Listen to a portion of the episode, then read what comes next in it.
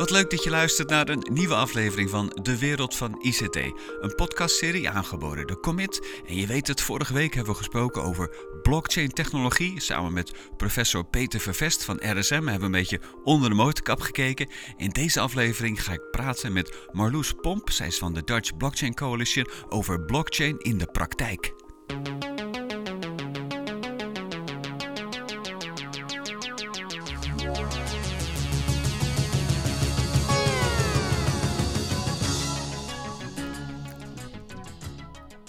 En de naam van Marloes die stond al een tijdje op het lijstje van mensen die ik graag wilde spreken. We hebben namelijk veel gemeen. We hebben een soort voorliefde of nieuwsgierigheid naar opkomende technologieën, zoals blockchain en AI en quantum computing. En haar rol is dan om een soort brug te spelen tussen wat dat betekent en de overheid. Zij traint uh, klasjes van uh, topambtenaren om ervoor te zorgen dat zij bij zijn. Dat ze snappen wat de impact gaat zijn voor hun ministerie of voor hun uh, departement. dus ik vraag haar wanneer kwam blockchain ter sprake in die klasjes. En mijn opdracht is altijd van zorg dat ze bij zijn. Dat ze weten wat er speelt qua nieuwe technologie. En dat ze een vertaalslag naar hun eigen ministerie of hun eigen werkzaamheden kunnen maken. En ik gaf dus weer zo'n klasje uh, over nieuwe technologieën. En nou, AI vond ze allemaal prachtig, robotisering was prachtig, VR, AR, XR, whatever, mm. allemaal leuk. En blockchain vonden ze verschrikkelijk. Uh, ook omdat ze het op dat moment niet begrepen wat de potentie was. Het was natuurlijk ook doordat uh, Bitcoin toen nog negatief in het nieuws was. Um, en, maar ik zag meteen zelf van, hey, als je uiteindelijk wil oplossen het issue met dat de grote tech jouw data bezitten, uh, dan zul je naar andere manieren van data delen moeten gaan. En ik denk nog steeds oprecht dat blockchain een hele mooie basis is. Of in elk geval die gedachte van decentraal je data laten staan en manieren vinden om dan op een privacyvriendelijke en veilige manier data uit te wisselen met wie je wil. Dan is blockchain in elk geval een hefboom om daar te komen. En dat zal niet de enige manier zijn. Uh, maar ik zag hem wel op, op dat moment als de belangrijkste hefboom die we beschikbaar hadden. Marloes is ook actief voor de Nationale Blockchain Coalitie, of in het Engels de Dutch Blockchain Coalition. Misschien goed om daar nog even stil bij te staan. Wat is dat ook alweer? Ja, onze rol is, wij zijn eigenlijk een soort neutrale tussenpartij om uh, de boel in beweging te krijgen. En bij uh, uh, bijna alle blockchain-projecten heb je publiek-privaat samenwerking nodig. De overheid speelt eigenlijk in alle projecten wel een rol als wetgever of als degene die het moet reguleren, of soms als degene die een stukje van de data heeft die je wilt ontsluiten. Ja. Uh, en je hebt dan dus uh, nou ja, vaak de marktpartijen die meedoen, die een rol in, die, in zo'n ketenproces spelen. Ja, en onze rol is om dat bij elkaar te krijgen en het in de gaten te houden van wat is er nu nodig om een volgende stap te maken en uh, de juiste mensen aan tafel weten te krijgen en zorg dat de voortgang erin zit. Het is een, een soort neutrale rol met wel de juiste expertise, doordat je zoveel van die projecten uh, draait. Ja.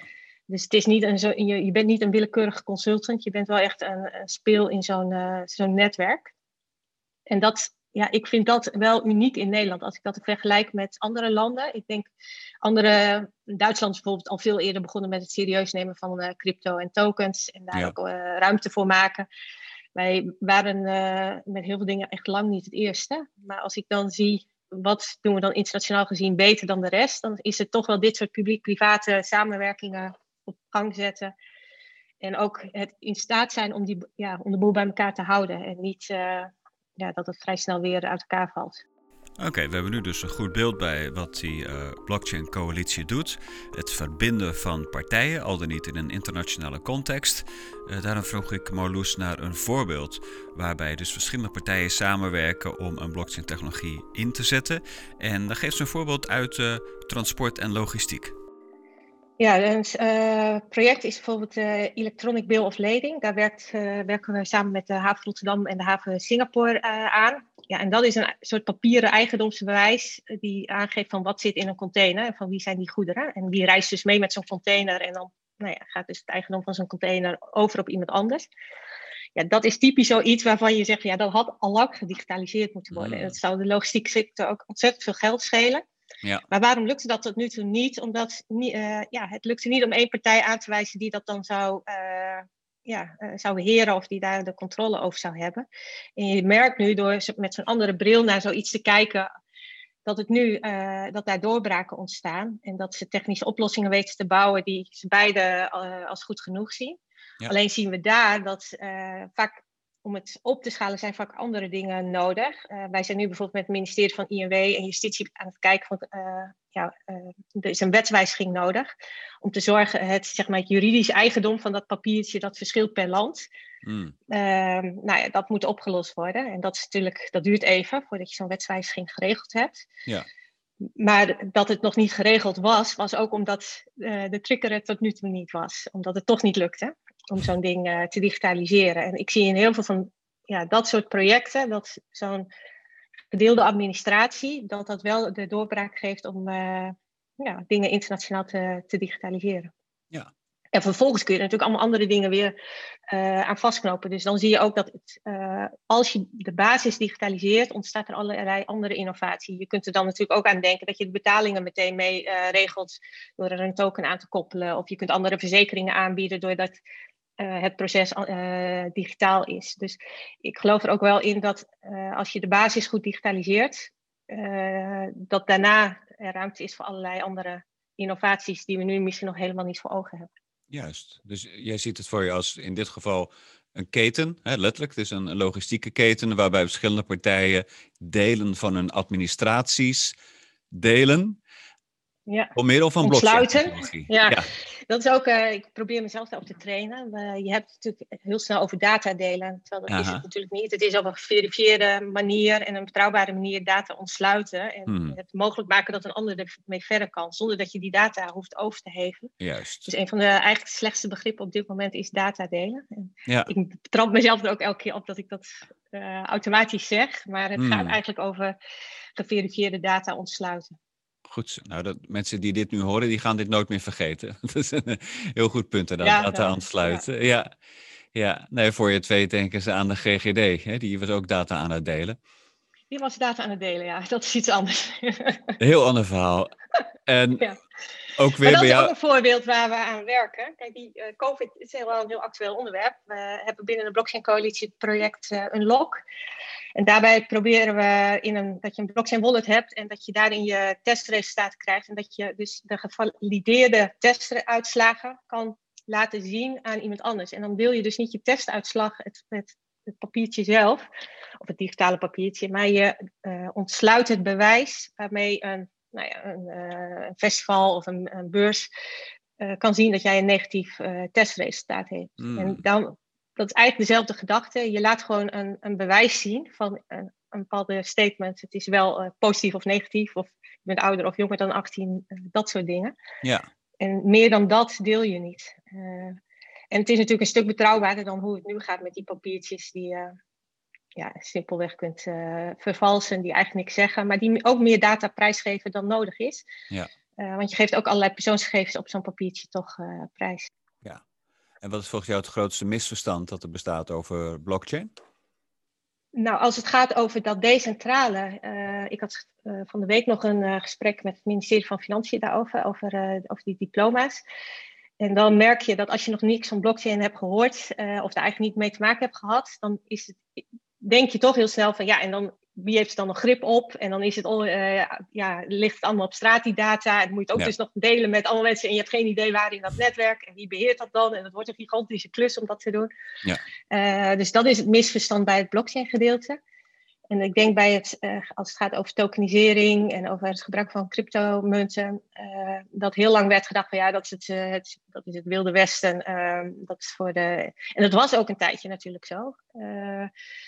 Want ik weet nog toen, uh, je had toen die IPO's, eh, ICO's. Mhm. Eh, dat waren van die nou ja, soort crowdfunding die je kon ophalen met muntjes. Ja. En ik weet nog, toen zaten er ook ontzettend veel boefjes tussen. Want dan werd er een website gemaakt en dan gingen ze cryptomuntjes ophalen. En ik had regelmatig dat ik met mijn blonde hoofdje daar op de website stond. Mhm. En dan volgens ging het mis. En dan, ja, wie konden ze vinden? Alleen mij op LinkedIn. en dan kreeg ik allemaal boze mensen achter me oh, Hey. Uh, dus het was in die tijd ook, uh, het Wilde Westen was er ook, uh, ook, ja. ook, wel echt. En ik heb dat ook zelf levendig mogen ondervinden. Alleen ik denk dat dat er nu wel van af is. En dat mensen er nu ook wel ja, daar een stuk serieuzer mee bezig zijn. Ehm, ook op Europees niveau wordt er gewoon wel serieus nagedacht over een Central Digital Bank Currency of moeten die digitale euro er komen. Ja. Dus de, de, ja, dat is echt wel in de afgelopen jaren uh, enorm veranderd. Maar voor mensen zoals mij, maar ik denk ook mijn eigen moeder, die, dat beeld van die cowboys uh, is denk ik nog steeds, plakt er, kleeft er nog wel aan. Ja, ja. Dat beeld is er. Tegelijkertijd hoor ik je zeggen, de onderliggende technologie die is here to stay. En bijvoorbeeld met, uh, met die nationale coalitie worden nu echt al projecten gestart en ook opgeleverd die laten zien dat het toegevoegde waarde heeft. Ja, de, ehm, en de, de projecten waarom het lang duurt, uh, zit hem bijna nooit in de technologie. Dus ik ben ook, wat ik zei over die diploma use case, uh, dat je dan je diploma's in je eigen wallet kan bewaren ja, technisch gezien zijn er legio wallets uh, op de markt. Dat is het issue niet. Maar hoe ga je afspraken met elkaar maken? Dat, hoe weet je dat het een gevalideerd uh, diploma is? Hoe krijg je een organisatie zover dat ze eerst A, zo'n document gaan digitaliseren en dan B, hem zo gaan ontsluiten dat je hem ook in een wallet kan nemen? Hoe zorg je dat je niet aan één aanbieder vastzit? dus welke afspraken moet je dan met die wallet aanbieders maken over de veiligheid van die wallets, over de standaarden? over uh, hoe zorg je dat het op Europees niveau aansluit. Dat zijn de dingen die heel veel tijd kosten. Ja. Dus eigenlijk alles wat je eromheen regelt. Maar de techniek zelf is, is echt klaar om dat, ja, om dat te bouwen. En ja. dat is ook al wel gebouwd. Ja, tot nu toe heeft Marloes echt een mooi voorbeeld gegeven, met name die containers, over wat professor Peter Vervest in de vorige uitzending al aankondigde over logistieke ketens. Dus overal waar iets van de ene naar de andere partij, soms van het ene naar het andere land gaat, hebben we in de oude situatie te maken met gesloten digitale systemen, silo's of grote bergen papier, administratieve lasten, veel overhead. En dankzij blockchain-technologie kan dat op een efficiëntere manier inrichten. Dus supply chain, blockchain, check. Nu wil ik iets langer stilstaan bij dat begrip van een wallet. Marloes heeft al een paar keer gehad over de diploma wallet. Dat is blijkbaar een soort digitaal kluisje waarin jij of waarmee jij kan bewijzen waar en wat je hebt gestudeerd? Steeds als jij hem noemt, dan moet ik denken aan Duo, dat is natuurlijk de uitvoeringsorganisatie. Dat is maar één van de spelers in dit geval. De rest zijn de onderwijsinstellingen die ook mee moeten werken. Nou, op Europees niveau wordt er gewerkt aan een Europese blockchain-infrastructuur. Dus dat is dan eigenlijk de, de basis, het netwerk. Een Europees netwerk wat ge, uh, ja, gehost wordt door de, de lidstaten. Uh, dus dat is een, een overheidsnetwerk. En daar zijn ze vrij ver met het ontsluiten van dan diploma's op dat netwerk. Dus als jouw wallet aan bepaalde eisen voldoet, uh, die de, Europa dan stelt, dan zou je Europese wallets in je, of Europese diploma's in je wallet kunnen stoppen. Uh, maar daarmee ben je er nog niet. Als jij bijvoorbeeld bij een bank werkt, dan heb, moet je ook allerlei WFT-certificaten, dat zijn certificaten die ze in de financiële sector hebben, die zijn verplicht, soort verplichte cursussen. Ja, die moet je ook laten zien. Je moet een vocht laten zien. Je moet een bankierseed laten zien. werk je in de zorg, moet je weer bijvoorbeeld in het BIG-register staan of noem maar wat. Dus er zijn allerlei van dit soort credentials die nu allemaal overal verspreid zijn en die moet je dan overal vandaan halen. Ze vervallen soms ook weer. Ja. ja. en dat proberen we makkelijk te maken. Dat jij gewoon de, ja, de certificaten die jij nodig hebt in je wallet kan stoppen. En dan simpelweg kan bewijzen dat je ze hebt. Zonder dat je al, wat nu gebeurt, werknemers geven kopietjes van hun van, een, ja, van een pdfje sturen ze dan op. Ja. Die wordt dan gecheckt en wordt in een HR-systeem gezet ja, dat is en niet veilig en het geeft veel romslomp. Dat kan mm. gewoon beter. Maar dat, ik zie dat gewoon puur als een digitaliseringsslag. Gewoon een volgende fase, waarbij je het ook nog eens op een manier regelt die gewoon ja, voor, voor mensen zelf, voor medewerkers, aantrekkelijker is. Ja, ja. Me zien als een soort uh, LinkedIn, zonder dat er een centrale partij is als LinkedIn, maar dat er wel een, een register is met wie wat heeft gestudeerd en dat is ook Geverifieerd. Geverifieerd, ja. En dat tweede is ook best wel belangrijk. Want uh, bijvoorbeeld voor de banken, als je medewerker ergens niet aan voldoet, uh, dan, ja, dan kunnen de boetes heel hoog zijn, omdat ze dan niet compliant zijn. Maar ook gewoon uh, diploma's wordt nog steeds ontzettend veel mee gefraudeerd. En op LinkedIn, je kunt natuurlijk opzetten wat je wil. Ja. Uh, dus het is ook een verbeterslag. Het is niet alleen een digitaliseringsslag. Het is ook echt wel een substantiële verbetering van uh, hoe het was. En het is denk ik een oplossing voor uh, dat inderdaad niet een LinkedIn uiteindelijk al dat soort data heeft en weer verkoopt. Ja, ja.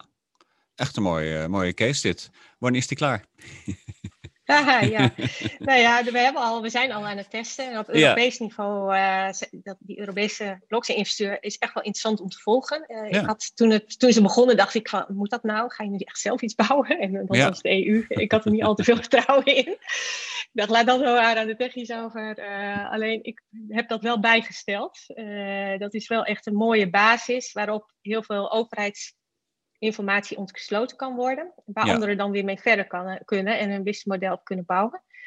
Um, dus die zijn best wel ver. En ik verwacht ook wel dit jaar dat we met die diploma's kunnen gaan testen. En ondertussen proberen we kleinschalige experimenten, bijvoorbeeld met een aantal banken op te zetten. Om te kijken van kun je de referenties of de bankiers eet. Kunnen we al de eerste dingen uh, testen. En ook hoe krijgen we het gekoppeld aan de grote HR-systemen. En dat zijn ook natuurlijk nog, uh, er zijn mm. maar een paar bij tech, grote tech-aanbieders denk je snel aan Google en Amazon en dat soort partijen. Ja. Maar je hebt ook grote tech-aanbieders voor HR-systemen. Er zijn er ook niet zo heel veel van. Die zitten nu ook wel comfortabel op hun data. Dus uh, ja. daar valt ook nog wel wat werk te verzetten. En zo is een einde gekomen aan deze podcastaflevering over blockchain in de praktijk. Het was niet heel technisch, we hebben niet onder de motorkap gekeken. Ik denk eerder dat het belangrijk is dat jij snapt wanneer je wel en wanneer je niet een blockchain-technologie zou toepassen. Hè? Want niet alles vraagt om een blockchain. Soms is gewoon één centrale database met een API voldoende. Maar wat is nou de gemene delen van de projecten die Marloes heeft genoemd? Nou, bijvoorbeeld dat er verschillende partijen zijn die met elkaar moeten samenwerken, maar die niet per se elkaar toegang willen geven. Daar zijn we weer. Data delen tot elkaars administratie. Nee, je wil dat op een slimme manier inrichten, zodat transacties door dat heen gaan en ze steeds geverifieerd of gevalideerd worden en dat mensen niet achteraf dat nog kunnen aanpassen. Dat is eigenlijk wat de gemene deler is, zowel voor containers als voor COVID-testen, als voor diploma's. Geen centrale partij, samenwerken in een netwerk en het netwerk de transacties laten valideren. Dat is in een nutshell, in een paar seconden, waar blockchain heel goed in is. Uh, volgende aflevering, jawel, gaan we het hebben over Bitcoin, want dat is ook een toepassing van blockchain technologie. Dus voor nu, bedankt voor het luisteren en blijf je verwonderen.